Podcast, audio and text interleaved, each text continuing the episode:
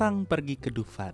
Selamat datang di episode 8. Hei, agak maksa ya ini ya pantunnya ya. Maksa banget ya. Nah, Tapi nggak boleh udah mulai ya. kehabisan ide nih Mbak. Saya udah jauh nih udah episode Mm-mm. 8 nih. Ide sih banyak sebetulnya ya, Ja Hmm. ya. Cuman kan kayaknya aduh situasinya masih kayak gini Iya, ya. makin mendesak nih Mbak nih. kayaknya. Ternyata 2021 awal 2021 masih suram nih. Eh, belum ada tanda-tanda apa pe- pencerahan nih ya Mbak ya. Mm-mm, Jadi kita agak maksa dikit nggak apa-apa.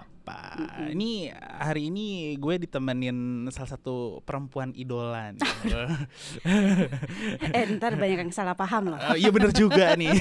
Salah paham juga. Aduh, aduh susah susah susah. Membawa isu yang susah nih. Aduh. Enggak enggak Mbak, kita hari ini mau ngomongin isu yang inilah, yang fun lah. Kita mau ngomongin museum. Aduh, itu fun ya.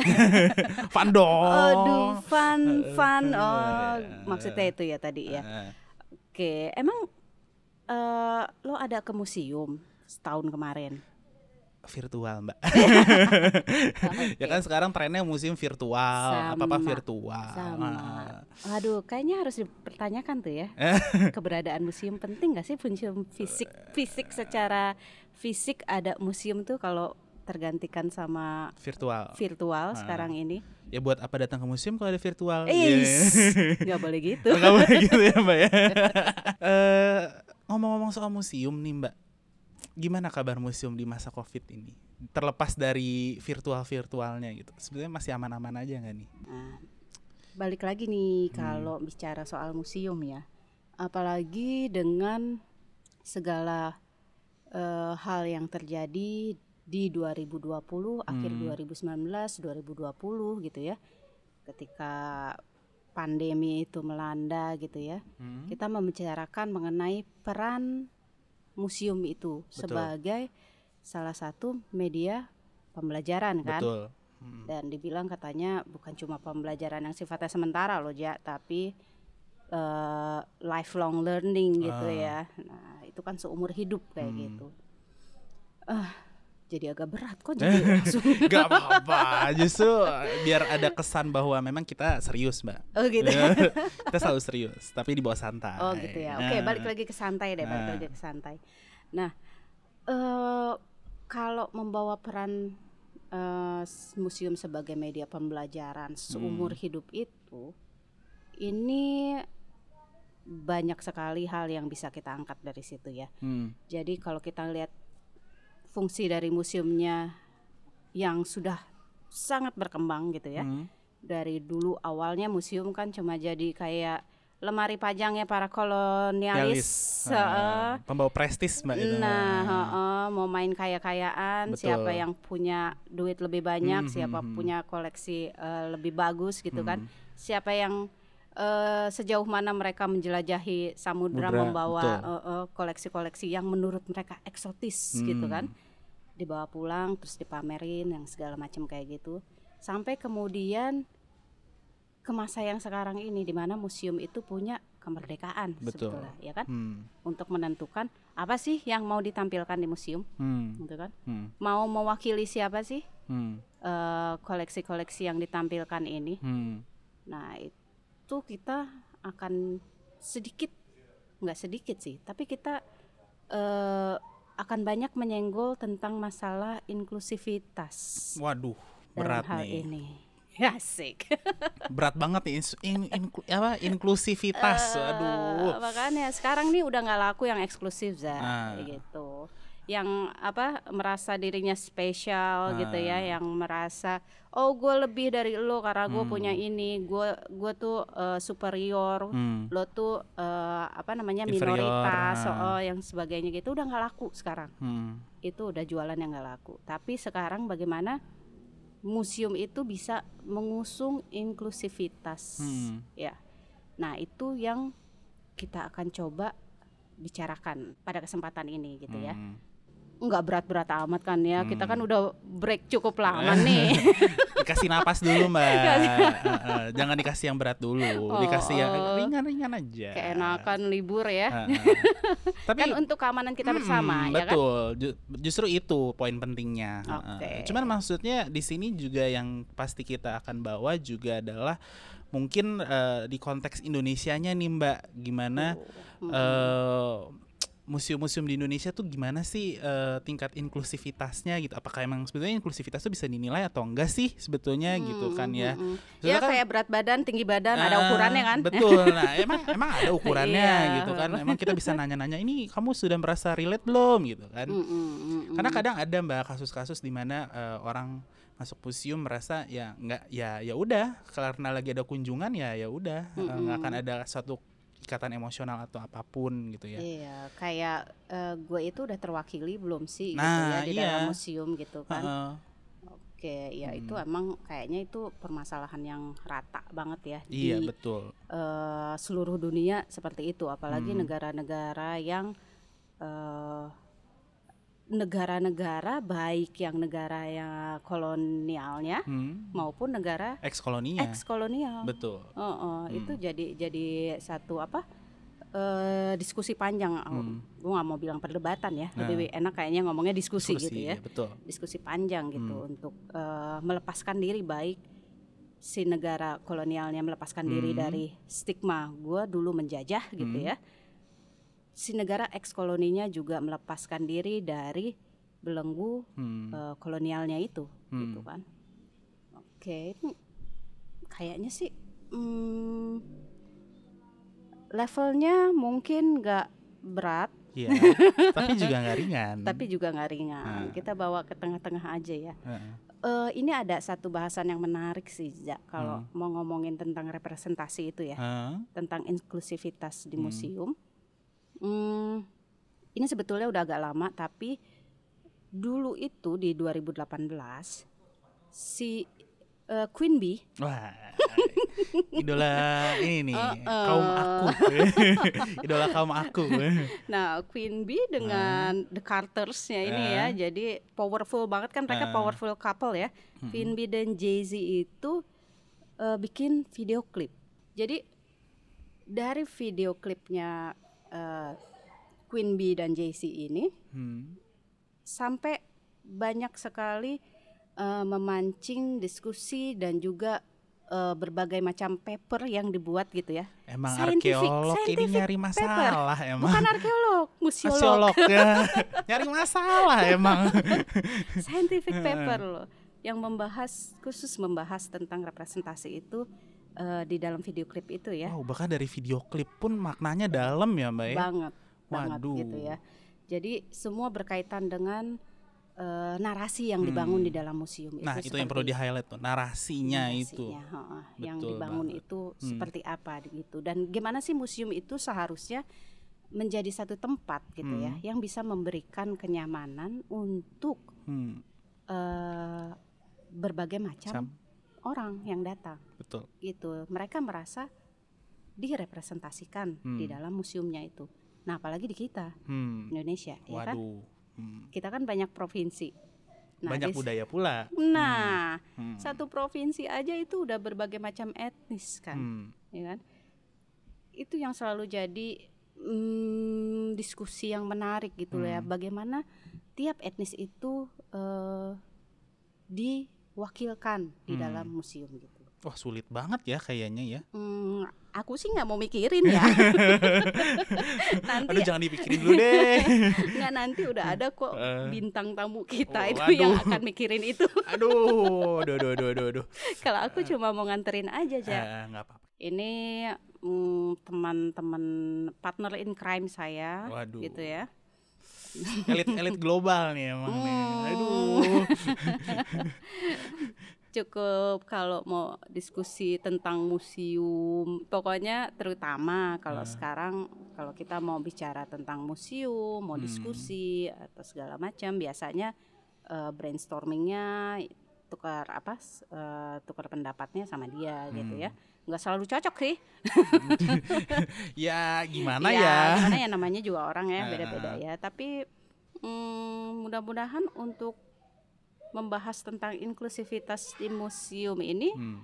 eh, dia punya cukup pengalaman gitu ya Cukup ugal-ugalan. cukup ugal-ugalan di museum-museum di Indonesia maupun di beberapa tempat lainnya Hmm. gitu ya jadi mm, lebih bisa memberikan satu Perspektif. pandangan Hmm. mm, atau kalau Noza punya pertanyaan, Hmm. nah kayaknya dia yang bisa lebih tepat untuk memberikan jawaban. Waduh, aku jadi nggak sabar.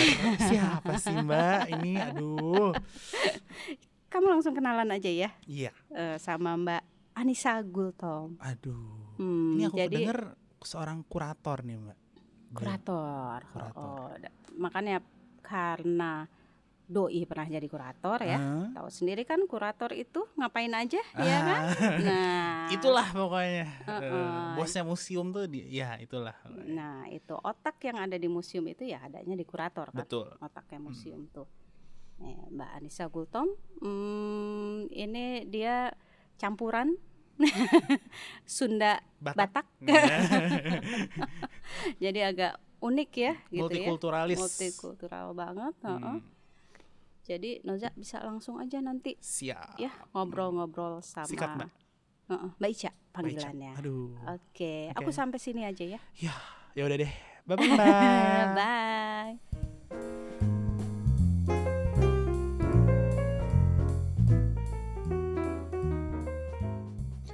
Halo Mbak Ica. Halo, Halo. Tis. Gimana Mbak kabar dunia Arab pagi ini? Dingin, lagi musim dingin soalnya.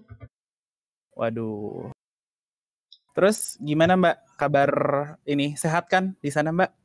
Harus sehat dong. Alhamdulillah, Alhamdulillah sehat. Sini kan eh, populasinya cuma 10 juta, jadi buat vaksinasi dan segala macam udah cukup. Oh. Gue minggu depan, minggu depan insya Allah dos, dosis kedua. Waduh, keren keren keren. Keren. Kita di sini masih ngantri Mbak soalnya Mbak. Ngantri vaksin nih Ya. kita nih. Kabar ya. Di sini soalnya cuma 10 juta orang, jadi agak lebih cepet ininya da- eh, Hmm. dapat gilirannya. Nggak nggak ada yang itu Mbak. Nggak ada yang ini vaksin ini akan menimbulkan penyakit rabies. Nggak Mbak. Nggak ada Mbak. Sempet sih di antara para pekerja ya ragu-ragu gitu karena ada banyak berita-berita bohong lah gitu vaksin yang ini katanya bahaya ada yang bikin mandul lah apalah gitu eh, kita sih dari pihak manajemen itu yang harus ngasih contoh duluan gitu. Jadi Hmm. ya gue gue disuntik di foto kasih ke grup besokannya pada eh, apa pada ngambil vaksin pada yakin kayak gitu gitu jadi kayak yang dilakukan di Indonesia gitu eh, presiden duluan yang disuntik gitu. Tuh kayak ya ya kayak harus gitu juga gitu. Cuma di sini agak lebih lebih lebih lumayan sih ininya. Apa sini- orang-orangnya lebih Kalau di sini malah lebih parah mbak. Soalnya kalau di sini kalau disuntik vaksin malah jadi mutant katanya ntar. Jadi kura-kura ninja ntar tuh. ya udah udah jadi udah Mutan ini ya mbak ya, mutan itulah pokoknya lah, golongan-golongan mutan itulah. Ya.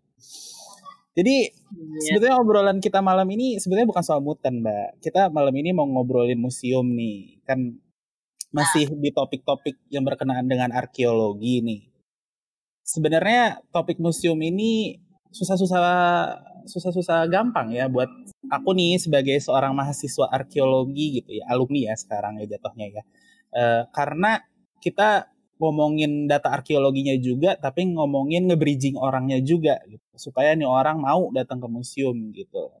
Nah ngomong-ngomong soal museum, aku tuh belum lama ini baca artikel gitu mbak. Jadi eh, artikelnya tuh menyinggung soal video klipnya Beyonce di Museum Louvre di Prancis yang eh, ya nyerempet-nyerempetnya sebetulnya ke isi video klipnya sih mbak. Karena kan di video klip itu eh, sedikit banyak menampilkan adegan-adegan tertentu di eh, dekat koleksi-koleksi museum tersebut yang eh, di dalam artikel itu disebut berkenaan dengan eh, beberapa isu. Kayak misalnya kolonialisme, terus misalnya bisa berhubungan dengan eh, apa namanya white supremacy dan lain-lain sebagainya gitu.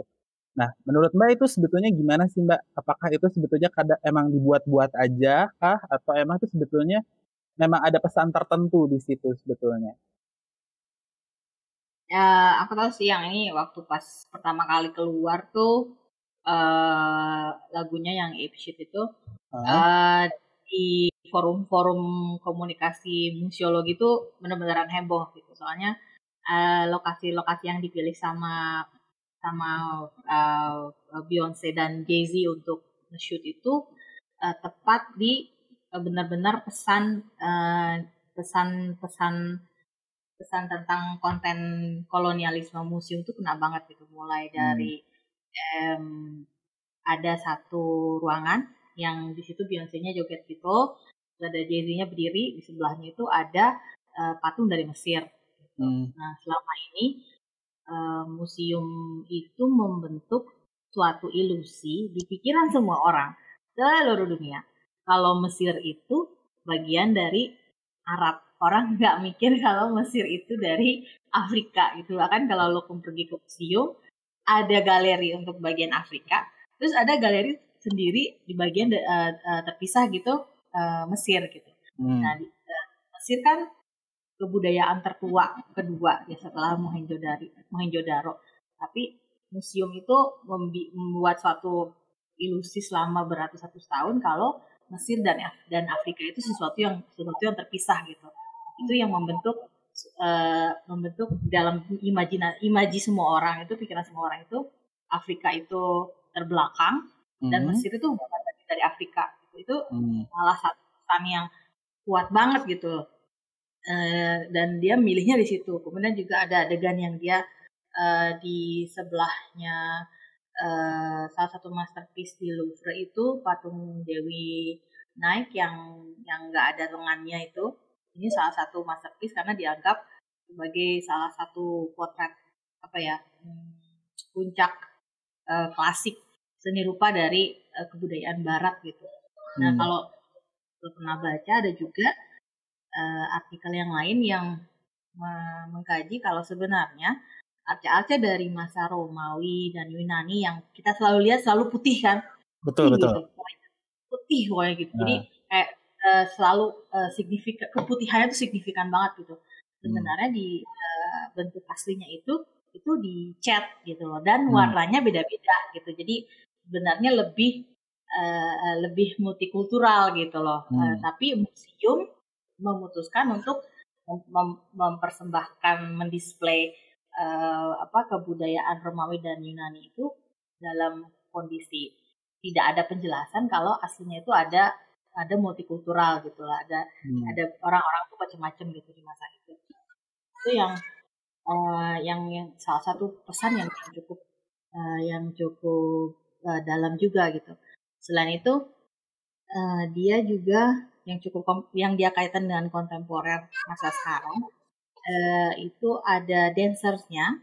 Dancersnya itu pakai namanya bodysuit. Bodysuit itu uh. jadi kayak uh, bodysuit itu yang kayak buat daleman gitu. Kan hmm. biasanya nude warnanya itu warna nude ya, warna kulit. Hmm. Yeah. Tapi kalau uh, kayak dua sampai tiga tahun ke belakang kalau lo pergi ke super uh, ke department store hmm. cari apa yang namanya warna nude pasti range-nya itu kalau enggak dari putih fair atau kayak light light hmm. brown gitu jadi nggak ada yang nggak ada yang buat orang kulit gelap atau berbagai ten macam gitu ada mbak nggak ada mungkin light ten mungkin ada gitu tapi ten hmm. ten juga nggak ada nah itu salah satu eh, itu menyinggung salah satu apa eh, salah satu salah satu bentuk diskriminasi yang ada di dunia kita sekarang hmm. yang sebenarnya kaitan dengan bagaimana cara museum-museum secara konvensional juga memperlihatkan kebudayaan kebudayaan di masa lalu gitu loh. Pokoknya yang putih, yang barat itu lebih supremasinya uh, lebih tinggi. Betul daripada hmm. yang berwarna dan mereka tidak ada perhatian kepada yang berwarna. Baru berapa tahun terakhir kayak ada produk dari Rihanna gitu kan untuk hmm. foundation hmm. foundation hmm. kulit itu uh, dia sampai bikin berapa puluh yang semua variasi warna coklat kuning atau hmm. um, yang warna yang warna yang segelap-gelap apa pun gitu beda-beda hmm. gitu semuanya ada gitu tersedia nah uh, apa menurut gue tuh menarik banget gitu jadi hmm, nah, pemilihan pemilihan isu isu isu uh, diskriminasi di masa sekarang dikaitkan dengan apa yang museum itu uh, perlihatkan. Jadi ya memang itu waktu itu keren banget sih. Jadi ya benar-benar sampai dibahas di mana-mana gitu mm -hmm. sama orang-orang museum. gitu. Apalagi ya belum lama ini kan emang ada gerakan BLM juga ya Mbak ya. Maksudnya ya menjadi concern bersama juga akhirnya gitu. Yang tadinya kurang aware mungkin jadi lebih uh, ini lebih sensitif gitu dengan isu-isu seperti ini gitu. Dan yang berarti sebetulnya singkatnya kita bisa bilang kalau museum itu mungkin secara sengaja ataupun tidak sengaja bisa uh, apa berkontribusi dalam uh, melakukan satu tindakan rasisme gitu ya. Bisa nggak dibilang kayak gitu Mbak sebetulnya? Ya bukan sengaja tidak sengaja, memang sengaja. oh, kita lebih harus lebih jujur nih Mbak ya, emang sengaja ya. Nggak bisa juga karena emang narasi kan emang udah direncanakan ya Mbak ya. Narasi museum itu sudah direncanakan. Iya, um, jadi yang hmm. problematis museum itu saat memang narasinya itu bias gitu. Hmm. misalkan uh, kita uh, lihat bagaimana cara uh, museum-museum misalnya museum di Indonesia deh gitu hmm. uh, yang dipilih adalah ada dalam tanda kutip puncak-puncak kebudayaan hmm. cara puncak-puncak budaya ini banyaknya mungkin lebih lebih uh, sudut pandangnya dari uh, dari Indonesia bagian barat barat yang hmm. makan uh, yang, yang makan nasi gitu uh. Uh, kebudayaan-kebudayaan di Indonesia Timur yang mungkin mereka makannya jagung, hmm. makannya sorghum, makannya hmm. sagu, dilihat lebih rendah gitu. Hmm. Karena apa enaknya makan seperti itu gitu dan kebudayaan yang di berada di sekitarnya juga di, dianggap tidak penting gitu. Hmm. Nah, yang kayak yang kayak begini-gini itu memang memang sengaja gitu karena hmm. museum itu pada dasarnya kan memang uh, alat politik gitu loh. Pada hmm. pada pada awalnya itu uh, saat saat sudah mulai ada de, ada demokra, demokratisasi dan nasionalisasi bangsa-bangsa hmm. mulai masa modern memang museum itu menjadi panggung utama untuk kayak mendikte oke okay, kita bangsa ini hmm. identitas kita itu ini ini ini dan hmm. ada ada daftar lain yang oh hal-hal itu kita tidak mau uh, apa ya ident being identified gitu loh hmm. itu itu bukan bukan orang Indonesia yang ini orang Indonesia yang kayak gitu gitu, gitu hmm. atau kayak misalnya kalau ke ke, ke pameran etnografi gitu kan hmm. ada ada lemari-lemari display yang mendefinisikan oh orang Sunda tuh kayak gini orang hmm. Jawa tuh kayak gini orang Jawa pun juga uh, dibagi cuma orang Jawa Barat Sunda gitu kan hmm. uh, terus ada orang Jawa Tengah, terus ada orang Jawa Timur. Jawa Timur. Padahal, hmm. nah, padahal sebenarnya orang Surabaya sama orang Banyuwangi itu juga mereka ada identitas mereka sendiri gitu ya. Hmm. Even yang satu provinsi bahkan ya Mbak ya itu ya. Hmm. Nah, ngomong-ngomong soal tadi Mbak, yang soal diskriminasi dan lain-lain sebagainya. Ini kita balik lagi ke yang lebih general sih Mbak kan hmm. waktu gue sedikit beberapa kali belajar soal museologi itu ada satu konsep namanya demokratisasi budaya. Nah, hmm. itu tuh sebetulnya penerapannya di museum tuh bagaimana, Mbak? Uh -uh. Uh, kalau uh, demokratisasi kebudayaan mungkin kita bisa lebih lihatnya kalau di beberapa museum di uh, di negara negara berkembang ya kayak hmm kan kayak Amerika gitu hmm. uh, dan mungkin kalau di kita uh, di ruang-ruang uh, pamer seni yang lebih kontemporer hmm. gitu yang lebih punya kebebasan kayak misalkan uh, Jakarta Biennale gitu atau apa itu lebih punya kebebasan untuk apa, berekspresi terus hmm. mengidentifikasi hmm. uh, diri mereka masing-masing secara individu atau secara kolektif. Nah, hmm. demokrasi budaya itu tadi yang menyentuh yang gua tadi itu gitu antara hmm. misalnya lo punya museum provinsi Jawa Timur gitu. Hmm. tentunya orang dari Banyuwangi mereka punya identitas mereka sendiri orang dari eh, Surabaya mereka punya identitas sendiri hmm. bagaimana harusnya museum itu mengakomodasi variasi ini gitu hmm. jadi nggak nggak cuma ya ini uh, pakaian tradisional dah gitu hmm. yang kan nggak semuanya begitu gitu kalau hmm. Pernah ke taman mini kan yang ada hmm. rumah-rumah gitu, anjungan anjungan gitu terus lu hmm. masuk ke anjungan setiap di setiap anjungannya tuh ada dari uh, Sumatera Utara gitu Hmm. pakaian uh, pakaian adat pernikahan uh, Hmm. Batak Karo beda dengan Batak Mandailing Batak Toba Hmm. gitu jadinya uh, apa jatuhnya tuh klasifikasi ilmiah gitu loh Hmm. jadi kebudayaan tuh jadi seakan-akan eh, memang ke- ada ada sebuah struktur kebudayaan ada memang. Tapi seakan-akan saat di ditransliterasikan ke display museum itu jadinya jadi kayak apa ya kayak mati gitu za. Gimana sih? Padahal Jadi kembangan nggak tuh jadi nggak- nggak relatable gitu ya mbak ya?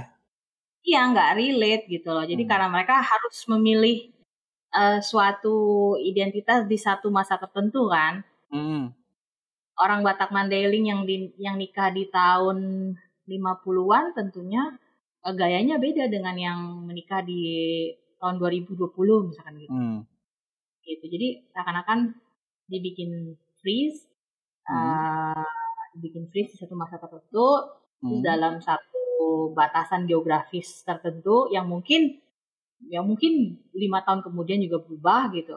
Tapi Hmm. terus nggak ada ruang untuk eh, misalkan orang-orang dari dari bagian suku bangsa itu juga mengekspresikan diri mereka sendiri gitu. Hmm. Yang eh, masalah demokrasi kebudayaan ini ini kan pasti eratnya dengan identitas ya.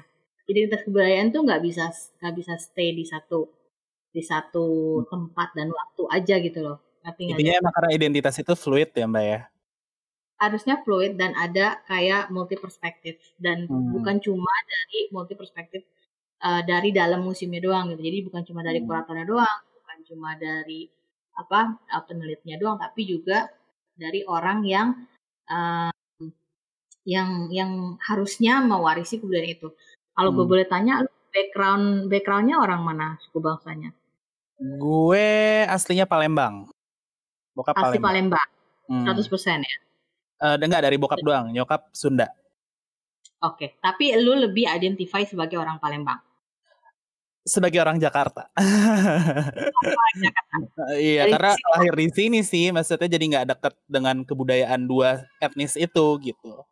Ah, Oke. Nah, Hmm. Sekarang kalau lo pergi ke uh, Museum Nasional, sempat nggak Ah. nyobain ke bagian etnografi, ke bagian Palembang sama Sundanya? Ya kan Ah. ada tuh bendanya. Lu ada ngerasa semacam konektivitas nggak? Re- nggak- Relate nggak?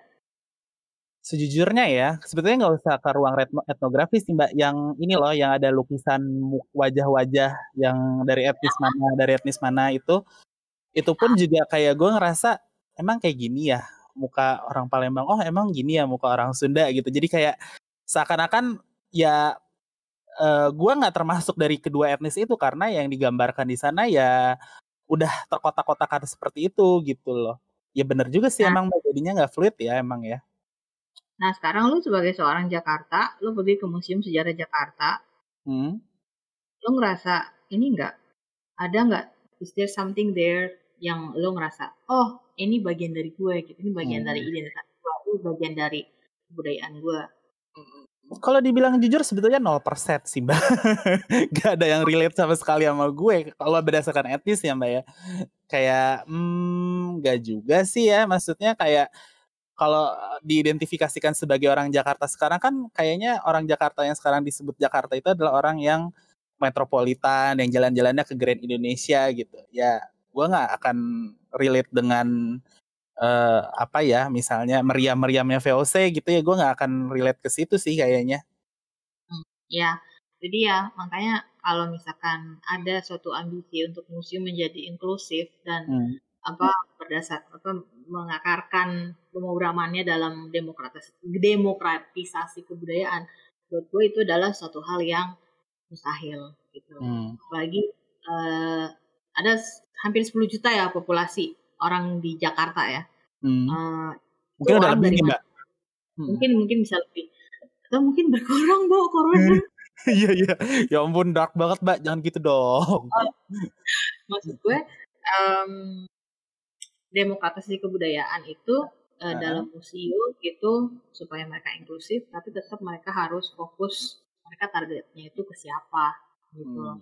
Jadi kalau misalnya museum provinsi itu museum provinsi masih bisa punya chance yang lebih besar gitu loh Hmm. atau kota gitu atau museum uh, atau museum khusus gitu ya kayak misalnya museum batik kayak museum museum musik gitu mereka masih hmm. bisa punya ada lane sendiri tapi kalau contohnya kayak museum museum tingkat nasional gitu atau misalkan galeri nasional gitu itu yang uh, akan sulit untuk mendek untuk menentukan secara demokratis karya seni apa yang mewakili Indonesia gitu.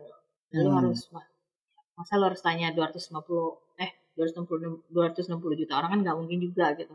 Hmm. Dan juga uh, ya gitu sih kalau gue sih secara jujur kalau masalah demokrasi kebudayaan di museum itu uh, sangat sulit sampai mungkin mustahil gitu. Kecuali kalau ada kalau ada jelas hmm. apa uh, kalau di kita kan nggak ada mission statement ya di iya. museum-museum yeah. di Indonesia nggak ada nggak ada mission mission statement. Hmm. Kalau mission mission statementnya mission statementnya jelas hmm. sama scope of collectionnya itu juga jelas itu akan lebih mudah untuk mencapai hmm. demokratisasi demokratisasi kebudayaan ini. Ribet hmm. banget. Nah, ngomong-ngomong soal demokratisasi kebudayaan nih, juga kita kan nggak bisa melepaskan diri dari inklusivitas ya mbak sebetulnya kayak uh, bagaimana museum itu sebetulnya bisa ya kayak tidak kita, kita omongin bagaimana museum itu bisa relate ke semua orang dari berbagai agama, etnis, suku, ras dan lain-lain sebagainya gitu. Tapi dari sudut pandang kita nih sebagai orang Indonesia gitu. sebetulnya kayak uh, apakah museum-museum di Indonesia itu bisa mewujudkan hal yang tadi aku sebutin tadi gitu loh. Bisakah kita menjadi lebih inklusif? Maksudnya bisa relate ke semua orang gitu. Kayak hmm, even untuk kalau aku nih misalnya sebagai orang yang berdomisili di Jakarta, nggak Jakarta sih sebenarnya Jabodetabek sih ya kita bisa bilang Jabodetabek. Untuk datang ke Museum Sejarah Jakarta aja kita nggak relate gitu loh. Padahal itu ibaratnya museum sejarah daerah kita gitu. Nah, hmm. sebetulnya gimana nih? Apa emang nggak ada jalan keluarnya kah? Atau ada mungkin upaya-upaya yang bisa menyerempet ke sana gitu? Atau gimana menurut Mbak? Uh, bisa-bisa aja sih. Yang penting kan uh, karena cakupan temanya kan luas ya dan beragam. Hmm. Yang ya berarti museum harus siap dengan uh, ruang dan waktu. Dalam artian begini. Selama ini kan kita selalu diajarin pameran itu ada dua macam Hmm. Pameran permanen sama pameran temporer. temporer. Hmm. Apa iya mesti begitu? Hmm. Ya enggak? Gimana tuh Mbak? Kalau, kalau Apakah misalkan ada lu, poin ketiga? kalau misalkan lo uh, museum lo tentang uh, museum perkembangan uh, perkembangan motor Harley Davidson gitu ya. hmm. ya kan ada tuh museumnya museum Harley Davidson hmm. oke okay, itu jelas lu punya museum permanen. Gitu. Hmm. Tapi misalnya lu punya museum arkeologi. Hmm. Museum arkeologi. Perkembangan ilmu arkeologi selalu berubah-ubah kan. Hmm. Ya kan? Yeah. Ada tahu-tahu ada teori baru, terus temuan baru. Tahun, baru di tahun hmm. 70-an uh, sempat proses restorasi Candi Muara Jambi itu ngikutin cara dan di Jawa karena sudut hmm. pandangnya pandangnya semuanya tuh pasti ngikutin cara candi Jawa. Hmm. Terus karena yang ketemu candi duluan di Jawa sih ya. nah, gitu. Itu hmm. cara pikir yang aneh juga gitu kan. Hmm. Yang namanya ketemu duluan kan bukan berarti lebih tua ya kan. Betul banget. Nah, karena waktu itu sudut pandangnya sangat Jawa sentris gitu. Dianggapnya Jawa itu pusat kebudayaan, semua candi-candi yang di eh, pulau-pulau lain pasti ngikutin.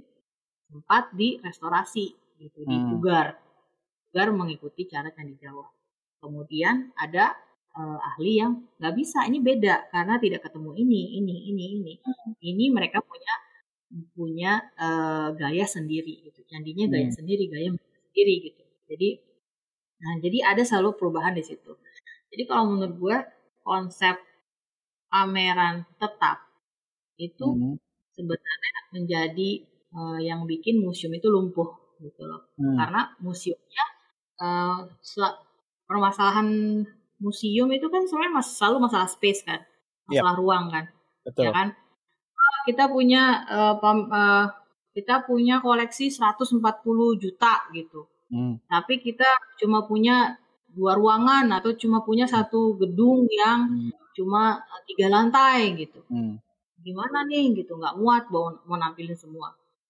Yang pasti gini, eh, museum itu bukan IKEA.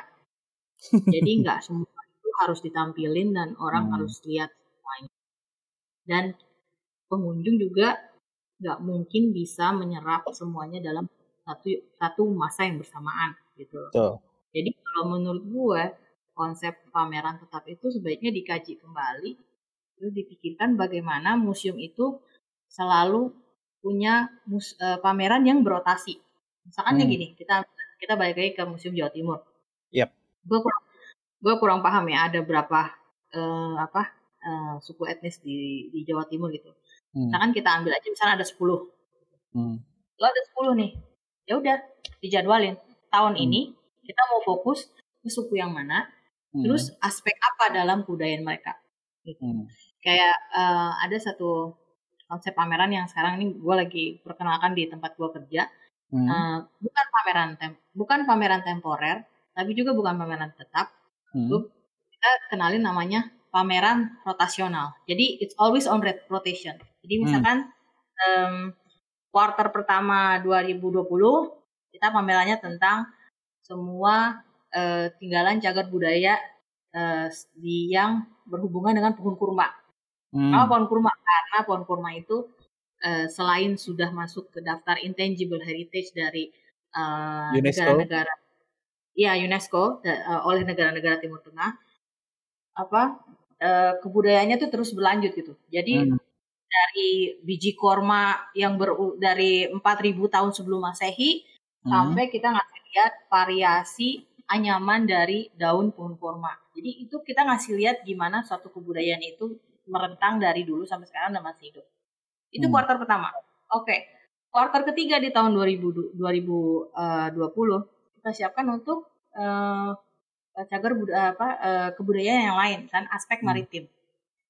Jadi jadi ada ada ada gilirannya nanti tahun depan mungkin di tentang kurma ini di kuarter keempat Hmm. tapi itu akan datang lagi datang lagi datang lagi gitu loh jadi eh, ber- ber- bergantian dengan misalkan eh, aspek maritim aspek eh, tentang misalkan tentang tentang unta gitu loh Hmm. budaya mereka tuh yang berkisaran apa berpusat unta sama kuda itu salah beberapa hal yang yang menjadi hal penting gitu loh dalam Hmm. dalam kebudayaan mereka gitu.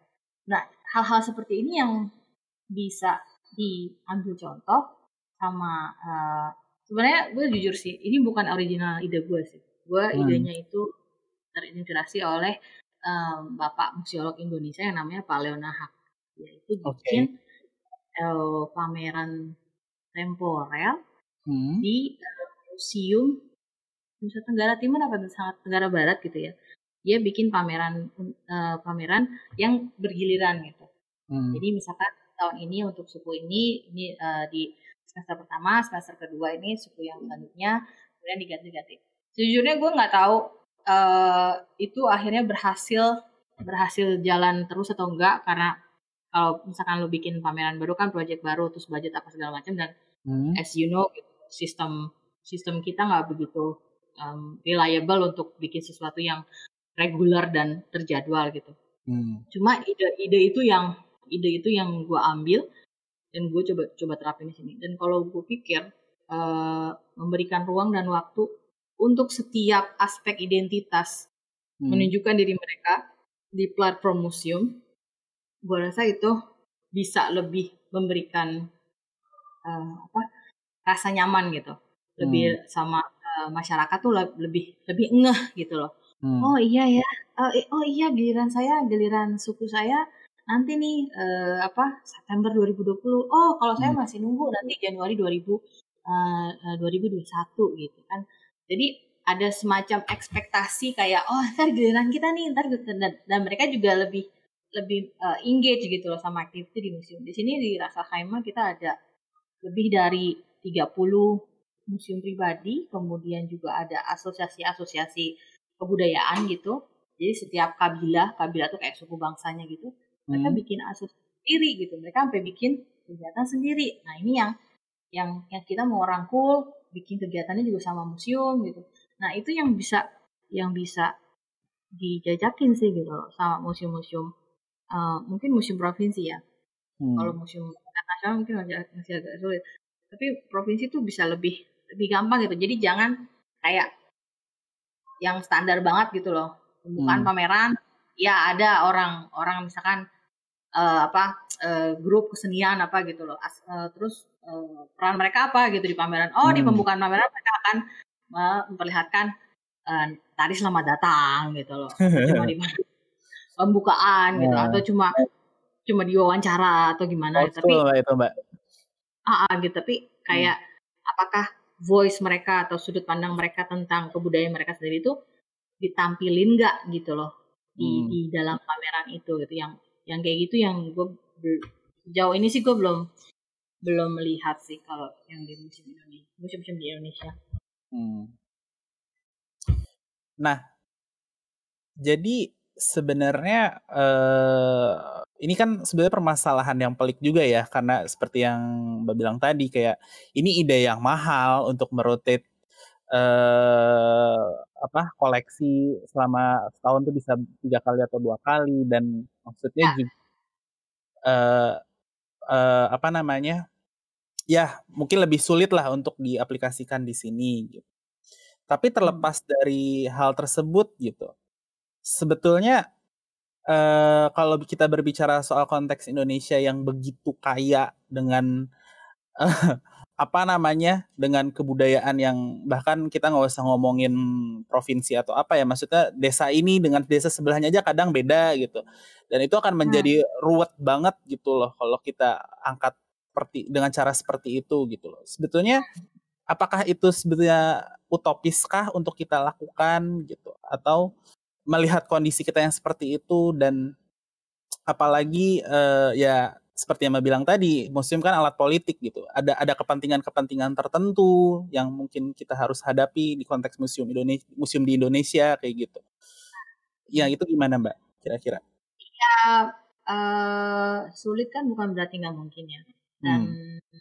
jujur saja memang eh, ide dan apa cita-cita kayak gitu sih ya utopis banget gitu loh. Hmm. ya yang pasti kalau memang kita mau nomor satu ya mau Hmm. gitu dan juga ada eh, dan misalkan pemangku kebijakan bisa memahami betapa ini bisa sebenarnya memiliki efek yang jangka panjang gitu ini Hmm. untuk segala macam kayak untuk in- eh, integrasi NKRI lah kebanggaan pada negara lah segala macam ownership kepada eh, warisan budaya bersama gitu Hmm. itu yang eh, sebenarnya eh, benefit yang tak benda yang yang sebenarnya sangat berharga bagi bagi sebuah bangsa gitu loh kalau Hmm. karena kalau misalkan eh, warga negara lo itu bangsa sam- bangga sama kebudayaan mereka gitu loh walaupun misalnya, Hmm. misalnya nih gue orang eh, eh, gue orang Sunda Batak gitu tapi gue bangga ngeliat tari Saman Aceh itu Hmm. masuk ke eh, masuk ke daftar UNESCO misalkan gitu Hmm. karena gue merasa memiliki walaupun secara turunan gue nggak ada Hmm. turunan ke situ gitu loh. Hmm. rasa kebanggaan yang kayak gini-gini nih yang bisa dibentuk sama pendidikan sekolah dan utamanya adalah museum Hmm. gitu nah eh, jadi eh, bukan nggak mungkin sih gitu loh Hmm, soalnya gue pernah ngalamin ya waktu eh, ngerjain museum sejarah Jakarta gitu ada hal-hal yang secara ketentuan finansial terus SBU apa standar belanja umum yang bikin kita nggak mampu untuk misalkan hire eh, beberapa ahli tingkat tinggi gitu ya Hmm. itu eh dengan dengan kemauan dari pemegang kebijakan gitu ya kepala museumnya sendiri gitu dan timnya Hmm. dia gitu mereka benar-benar mengusahakan sampai Hmm. ke gue lupa Bapeda atau apa ya pokoknya Badan Perencanaan Daerah gitu supaya Hmm. SBU-nya bisa lebih masuk akal untuk kita eh, mendapatkan tim ahli yang memang yang paling bagus gitu Hmm. jadi gue di situ melihat sendiri gimana kalau pemegang kebijakan itu memang mau gitu, beneran mau, bisa nggak nggak Mhm. cuma cuma mimpi aja gitu Berarti bukan yang nggak mungkin ya, emang sebetulnya tergantung niat dan usaha ba- balik lagi nih ya. Orang Iya, Indonesia. dan Mm-mm. dan gue juga gue juga nggak mau kayak menyalahkan misalnya ah pemangku kebijakannya nggak nggak sadar atau misalnya nggak ngerti atau nggak paham ya mungkin uh, itu ada ada bebannya di kita kita yang lebih paham itu untuk ngasih paham bagaimana uh, ya teman-teman di yang di Kementerian Kebudayaan atau di para sejarawan gitu para museolog gitu Hmm. itu uh, tugas kita mm, bareng-bareng untuk memperlihatkan value museum itu sebenarnya apa gitu lebih dari sekedar lebih dari sekedar jualan tiket gitu value-nya apa gitu Mm-mm.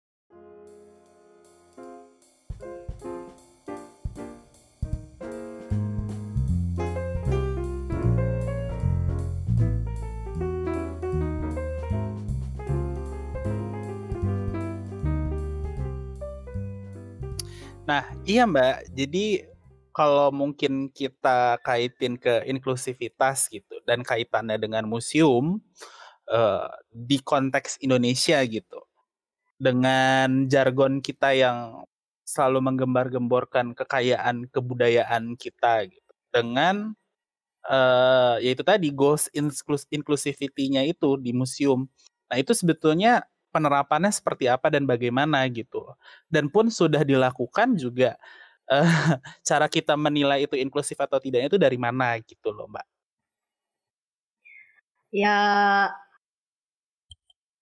sekarang gini sih em, gimana ya gue mungkin komentarinnya eh, kita pisah antara eh, museum nasional dan museum-museum provinsi ya Hmm. kalau misalkan menuntut museum nasional untuk inklusif itu eh, itu akan beban berat berat eh, pekerjaannya lebih besar gitu daripada museum provinsi. Misalkan museum provinsi eh, cakupan geografisnya dia lebih eh, lebih kecil. Kemudian juga mungkin jarak ke komunitas juga lebih gampang gitu. Kayak misalkan kalau misalnya museum provinsi Manokwari misalkan gitu bisa bisa lebih dekat untuk mem- memperlihatkan suku bangsa yang ada di Manokwari gitu Eh, walaupun kayaknya kalau nggak salah museum itu nggak jadi deh sempat ada Hmm. dibikin tapi kayak nggak jadi. Eh, akan sulit misalkan mau menampilkan eh, kebudayaan as asmat di museum nasional terus diganti dengan museum eh, suku bangsa suku bangsa yang lain dari di kalau ini sih sorry ya ini gue kayaknya kayak kayak ngasih excuse banget sih ke museum nasional. Tapi konteksnya akan akan berbeda gitu. Kalau misalnya kita ngomongin museum provinsi karena eh, mungkin bebannya bisa lebih eh, bisa lebih memungkinkan lah intinya gitu loh karena Hmm. kalau misalkan mereka mempunyai eh, hubungan mereka bisa membina hubungan yang lebih bagus dengan komunitas lokal gitu eh, mereka akan bisa lebih mendapatkan masukan bagaimana bagaimana masyarakat itu merasa di merasa eh, feeling included gitu maksudnya merasa diundang sama museum untuk terlibat dalam program mereka karena maksudnya gini ini kan inklusif ya lo akan sulit untuk mem- membuat 260 juta orang merasa inklusif karena museum itu enggak museum itu bukan buat semua orang ya Hmm. Eh, tidak semua orang punya ketertarikan ke museum tidak semua orang punya motivasi ke museum eh, tidak ada kebutuhan ke museum gitu Hmm. Eh, ataupun yang merasa ya konsep apa itu museum gitu. Karena pada pada sejat pada sejatinya ya konsep museum itu kan konsep yang asing buat kita gitu kan. Betul. itu kan konsep konsep bawaan dari eh, dari barat gitu loh. Dan Hmm. juga waktu didirikannya juga tujuannya beda gitu. Bukan untuk menjadi eh, suatu visi inklusif- inklusivitas. Bukan. Justru jelas-jelas untuk menciptakan suatu eksklusi- eksklusivitas. Di Hmm. mana koleksi-koleksi yang dipilih oleh para ahli-ahli itu yang menurut mereka yang Mm-mm. paling bagus gitu. Yang paling Kalau- masterpiece. Mm-mm. Yes gitu. Kayak misalkan mereka eh, mereka memilih mereka memilih membawa mereka memilih membawa koleksi arca-arca dari Candi Singasari ke Ah, Leiden gitu Ah. ya. Kemudian uh, saat kita kuliah, zaman gua kuliah gitu di uh, pelajaran ikonografi Hindu Buddha atau di kepurbakalan Indonesia kalau nggak salah yang tentang masa Hindu Buddha, uh, dosen itu bilang yang paling bagus itu ini karena ini adalah puncak karya uh, seni Amin. dari uh, seni dari masa klasik Indonesia, bukan Jawa Waduh. ya bilangnya. Uh. Masa klasik Indonesia gitu, bukan uh. Jawa. Padahal itu asalnya dari Jawa dan yang seperti itu atau misalkan dalam grup yang sama seperti itu mungkin cuma ditemukan di Jawa dan Sumatera.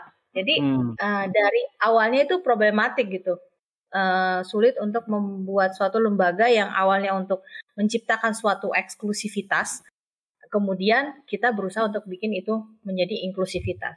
Kayak contoh lain, kalau lo lihat uh, uh, objek-objek budaya uh, dari Indonesia yang didaftarkan untuk uh, daftar UNESCO uh, tak benda uh, intangible uh, heritage list. Ada wayang, ada uh, keris, terus ada apa lagi ya?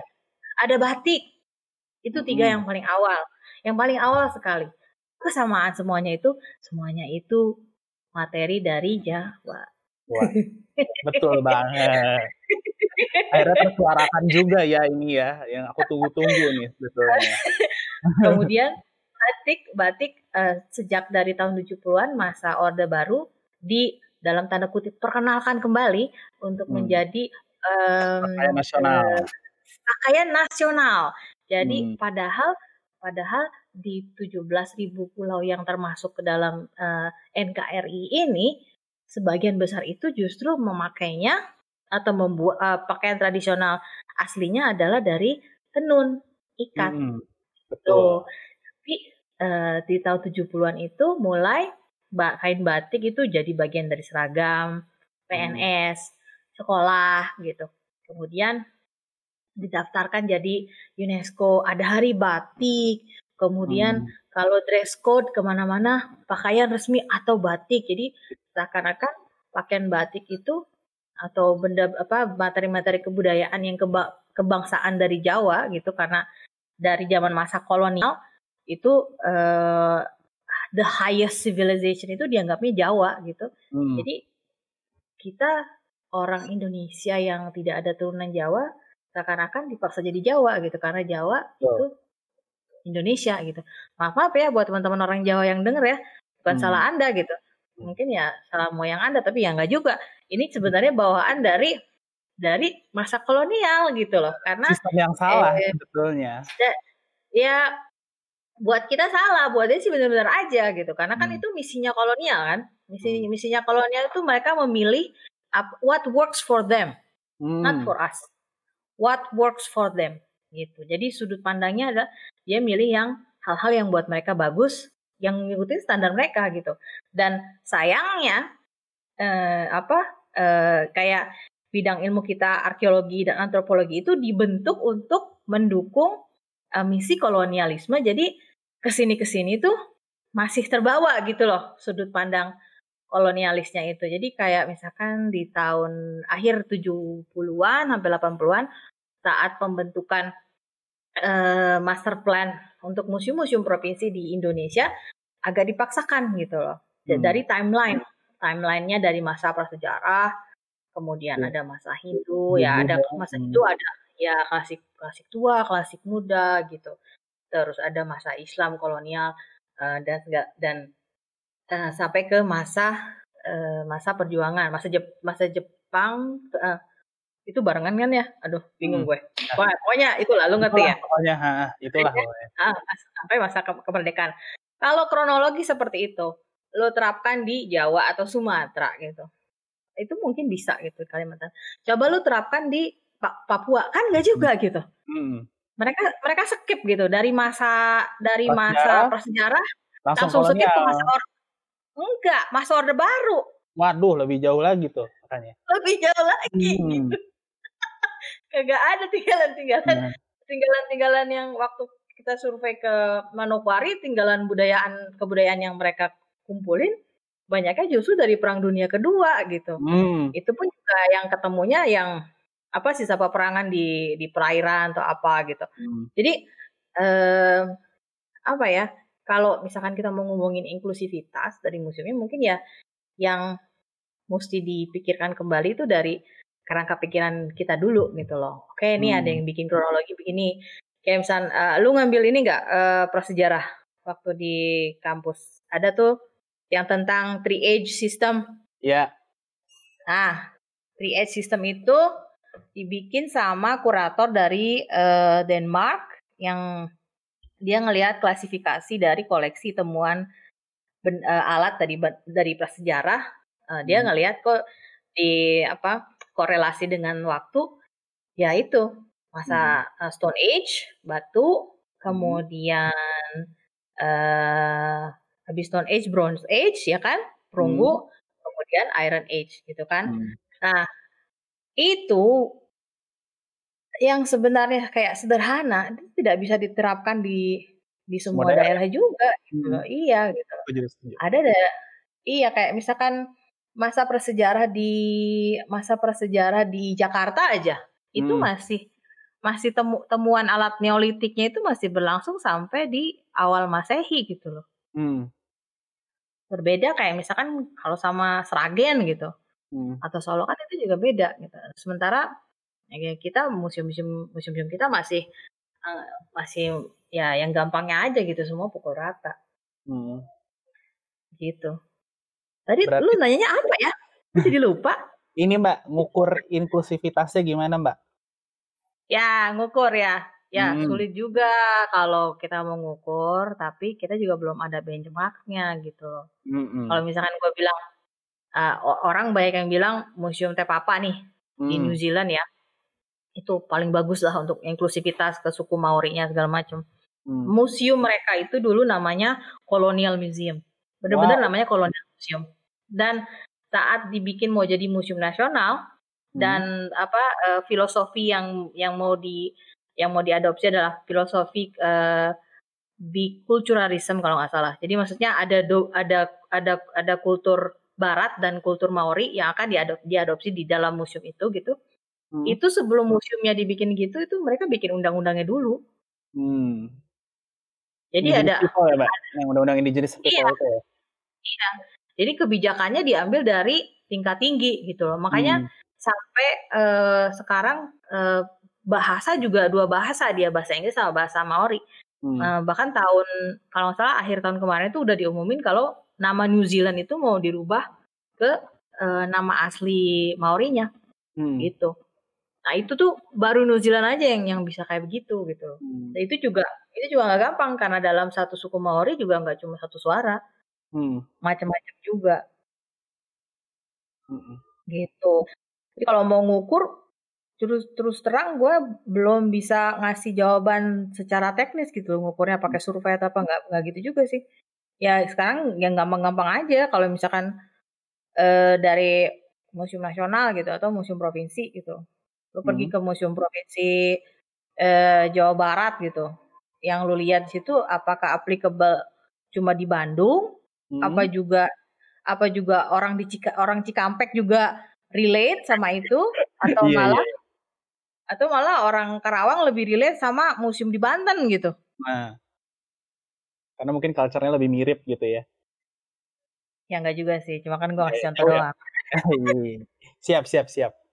Malah gue tadinya malah mikir Museum Sejarah Jakarta tuh museum kolonial, Mbak. Karena wah ini ada lukisan ini pejabat-pejabat VOC, ada gedungnya juga mendukung sekali gitu. Gue awalnya malah nggak kepikiran kalau itu museum sejarah Jakarta gitu.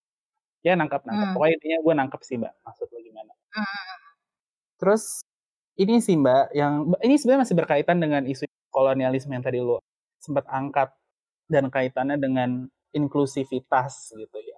Kita ini kan ya kita tidak bisa memungkiri kalau kita ini adalah negara ex koloni kita bekas satu koloni dan hmm. uh, apa namanya tapi yang tadi lo ceritain justru malah negara-negara ex koloni lah yang kemudian mengangkat isu-isu inklusivitas sebetulnya kayak tadi maksudnya kayak Museum Tepapa di New Zealand terus kemudian mungkin gerakan-gerakan di Amerika kayak gitu nah itu sebetulnya hmm. kalau di Indonesia apakah bisa jadi advantage atau justru malah bisa jadi suatu kendala untuk mencapai inklusivitas yang kita omongin dari tadi ini Uh, sebenarnya sih status sebagai ex koloni kalau lu berhenti ex koloni stop gitu ya. Nggak ada nggak mempertimbangkan hal-hal yang terjadi setelahnya gitu. Ya sebenarnya sih bisa-bisa aja gitu loh. Nah, cuma kan setelah kita dalam tanda kutip merdeka di hmm. antara 45 9 setelah itu kan kita mengalami suatu rezim gitu loh di mana eh, di mana identitas kebangsaan kita itu ditentukan oleh sekelompok intelektual yang mungkin para founding fathers kita mempunyai niat baik gitu kan bagaimana hmm. caranya uh, bikin uh, satu negara yang terpisahkan lautan gitu terpisahkan bahasa segala macam uh, gimana caranya menciptakan ilusi supaya kita merasakan menjadi satu bangsa gitu hmm. mungkin pada awalnya itu berniat baik tapi kan uh, kemudian kan kita menjalani rezim selanjutnya yang lebih represif yang hmm. uh, kayak gue bilang tadi gitu memaksakan uh, Indonesia itu menjadi Jawa gitu sampai hmm. nanam beras di nanam beras di, uh, di Papua, Kalimantan gitu. Jadi hmm. memaksa bayangkan betapa represifnya betapa hmm. represifnya rezim itu saat uh, uh, jangankan cuma jangankan memaksakan identitas gitu. Mereka memaksakan memaksakan uh, apa namanya?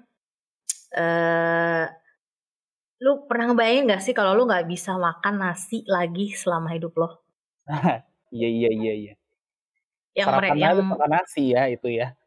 iya gitu loh. Itu sesuatu yang lu yang lu makan tiap hari yang membentuk hmm. semua identitas membentuk aspek identitas lo, membentuk um, membentuk kebudayaan di sekitar lo gitu kan. Hmm. Uh, tapi kemudian ada satu kekuatan politik yang bilang no from today nggak ada lagi tuh. Lu makan sagu peralatan sagu apa segala macam nggak ada lagi.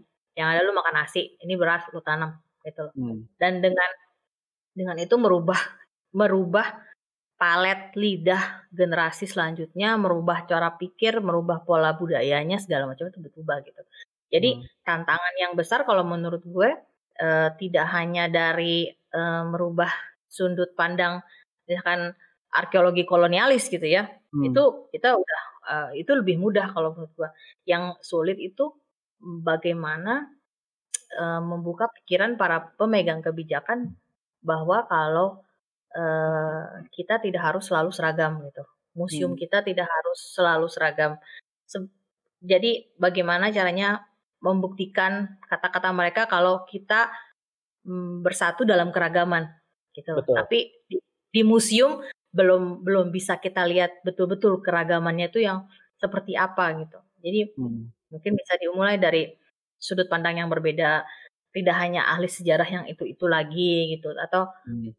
eh fokus grup discussionnya itu nggak terbatas dengan orang-orang yang memiliki uh, uh, DR atau PhD gitu loh dinamanya, hmm. tapi juga uh, bagaimana caranya museum mulai mendengar suara komunitas gitu, suara hmm. uh, orang-orang atau Marginal, suara ya, Iya gitu loh, atau suara hmm. tukang ojek yang suka mangkal di depan Museum Nasional tapi mungkin mereka nggak pernah masuk gitu karena mereka nggak merasa diundang, mereka nggak hmm. pernah merasa invited padahal itu uh, milik bangsa mereka gitu. Seharusnya Betul. mereka bisa menemukan identitas mereka di dalam situ gitu.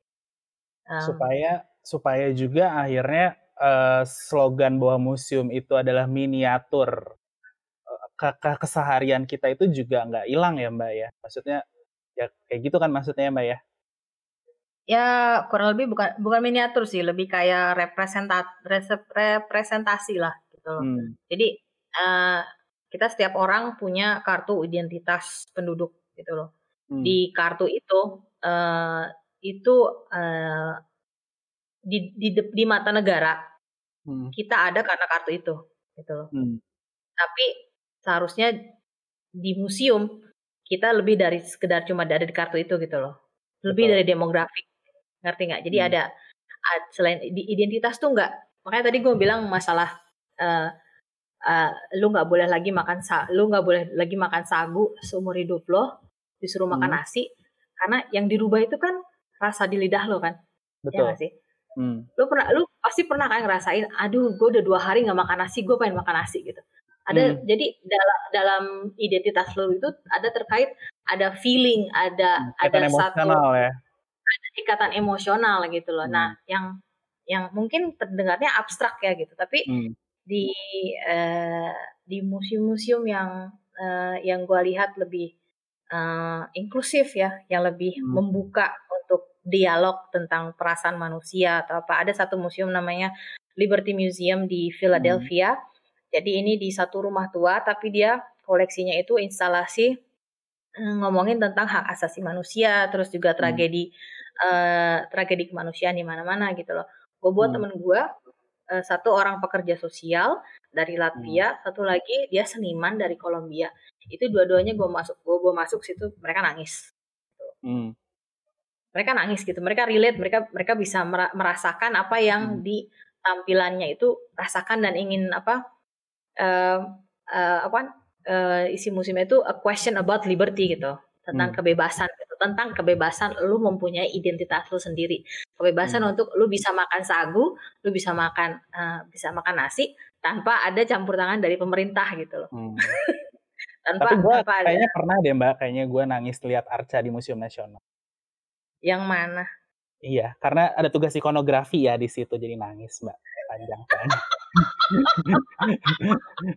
Deskripsinya panjang, saya tujuh halaman, nggak boleh dipotong pakai foto soalnya. Jadi nangis di situ. Ya mungkin relate di situ. Gak nggak ya, Mbak. bercanda mbak, bercanda mbak. Enggak, enggak, enggak, enggak. Ar- Arca jadi museum nasional itu favoritku loh. Dulu aku Oh, iya. ngajar itu. Bener-bener. Dan wak- waktu ada satu sesi waktu ngajar itu waktu itu aku masih masih pakai hijab ya.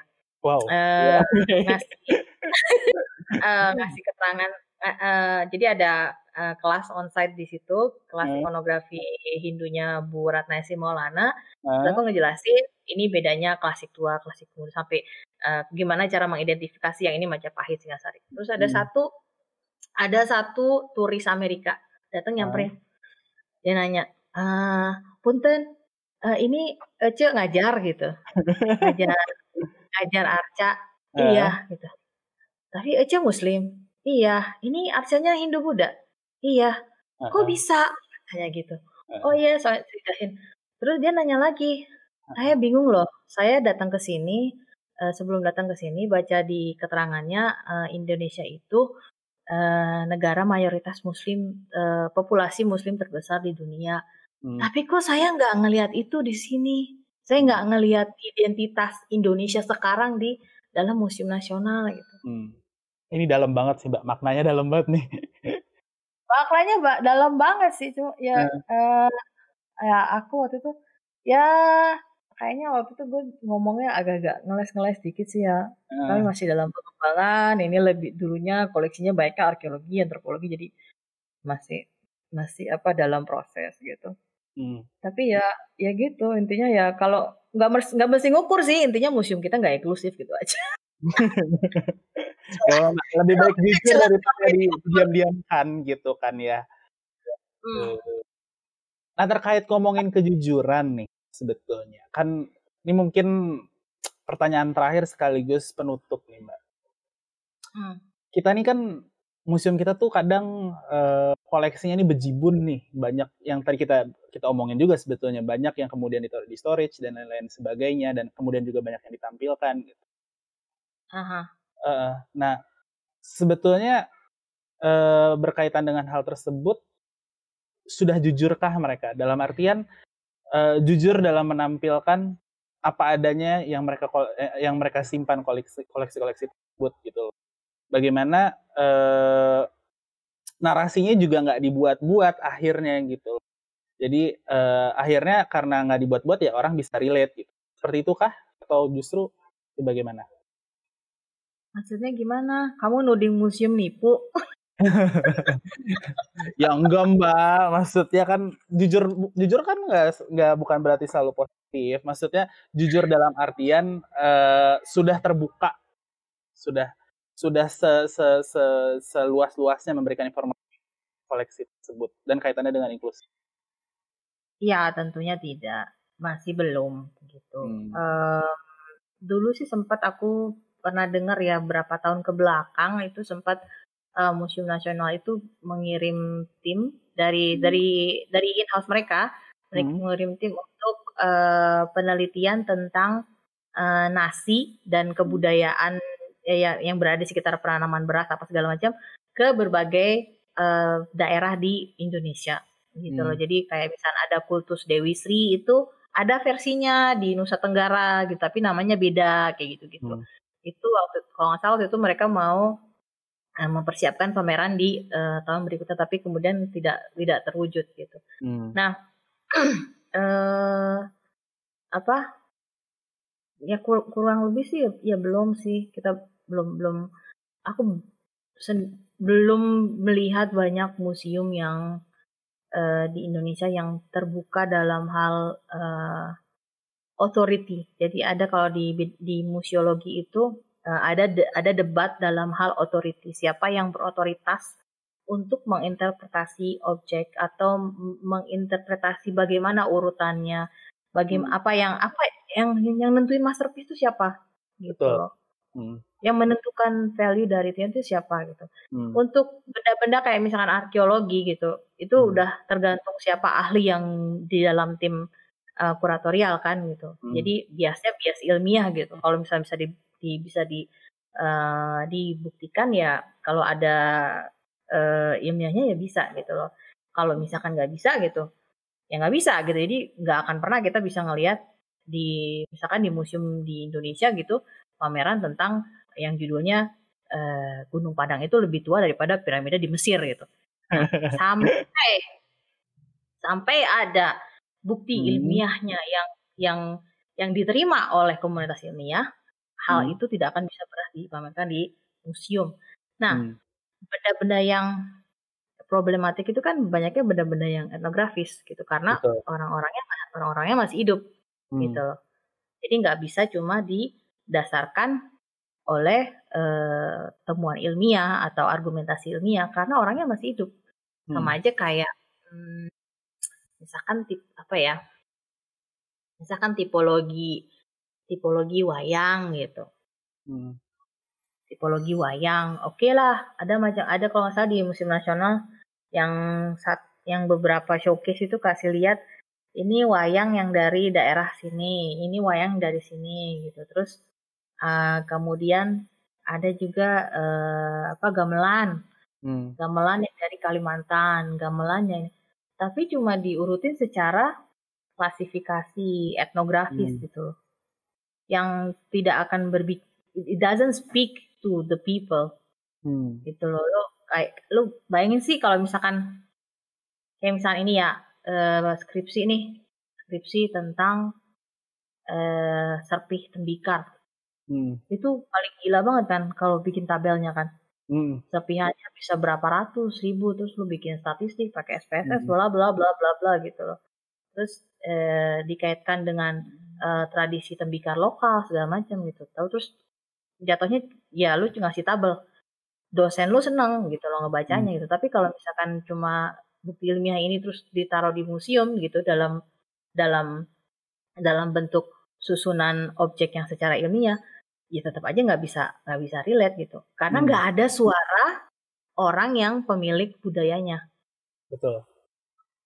gitu kayak misalkan bedanya orang Sunda nanak nasi ya nanak Hmm. nasi sama orang Batak orang Sunda itu kalau habis masak nasi uh, ada istilahnya diakul Hmm. jadi nasinya udah matang nih Hmm. terus uh, nasinya yang matang itu diaduk gitu diaduk sambil dikipas-kipas supaya Hmm. ininya tuh pulem aduh gua nggak tahu bahasa Indonesia-nya tuh apa ya supaya uh, nasinya tuh teksturnya tuh uh, kayak apa uh, kadar airnya tuh nggak kering gitu Hmm. jadi dan kerasa gitu bedanya ya nasi yang pulen diakel. Nah, sama nasi yang diakel sama yang nggak diakel.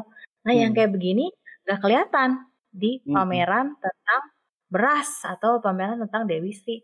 Kita cuma kelihatan ada alatnya, ada ininya, hmm. ada foto petaninya, foto sawah, sama produk ya. udah produknya udah. Jadi kita nggak ada pemahaman dari si orang yang tiap hari makan nasi atau Hmm. eh, kayak kalau di Papua kan ada proses tuh bikin sagunya gitu gimana terus ngambil ngambil panennya gitu Eh, ada temen ya yang chef dari Papua gitu dia bilang kalau orang Papua itu supermarketnya di hutan Hmm. apa aja yang kita yang kita butuhkan ada di situ gitu jadi dia fokusnya di situ alat-alat yang dibikin di situ Hmm. Gitu. jadi sangat sedih sekali saat saat generasi lebih muda itu cuma fokus untuk beli nasi dan bikin sagunya itu udah lupa gitu. Hmm. Kayak gitu. Tadi tanya apa ya? Enggak kok, udah nangkap kok. Masuk, masuk, masuk kok. Maksudnya, uh, uh, jadi intinya emang sebetulnya uh, ya balik lagi sebetulnya masalah interpretasi terhadap si koleksi itu ya dan maksudnya apakah menjangkau semua orang ya ya sulit juga untuk dikatakan iya atau tidak gitu ya. Yang aku tangkap sih gitu, nggak tahu nih ya Mbak ya. Karena eh, ya pada akhirnya kan kita sekarang ngobrol-ngobrol gini kan sebetulnya balik lagi ke orang yang mendengar nih sebetulnya mengambil kesimpulannya kan mereka gitu. Nah mungkin gitu aja sih Mbak yang aku tanya-tanyain sekarang. Pokoknya intinya eh, sekarang jaga kesehatan dan udah jaga kesehatan aja bertahan hidup lah sekarang mah intinya. Ya Udah, bye bye Mbak. Bye.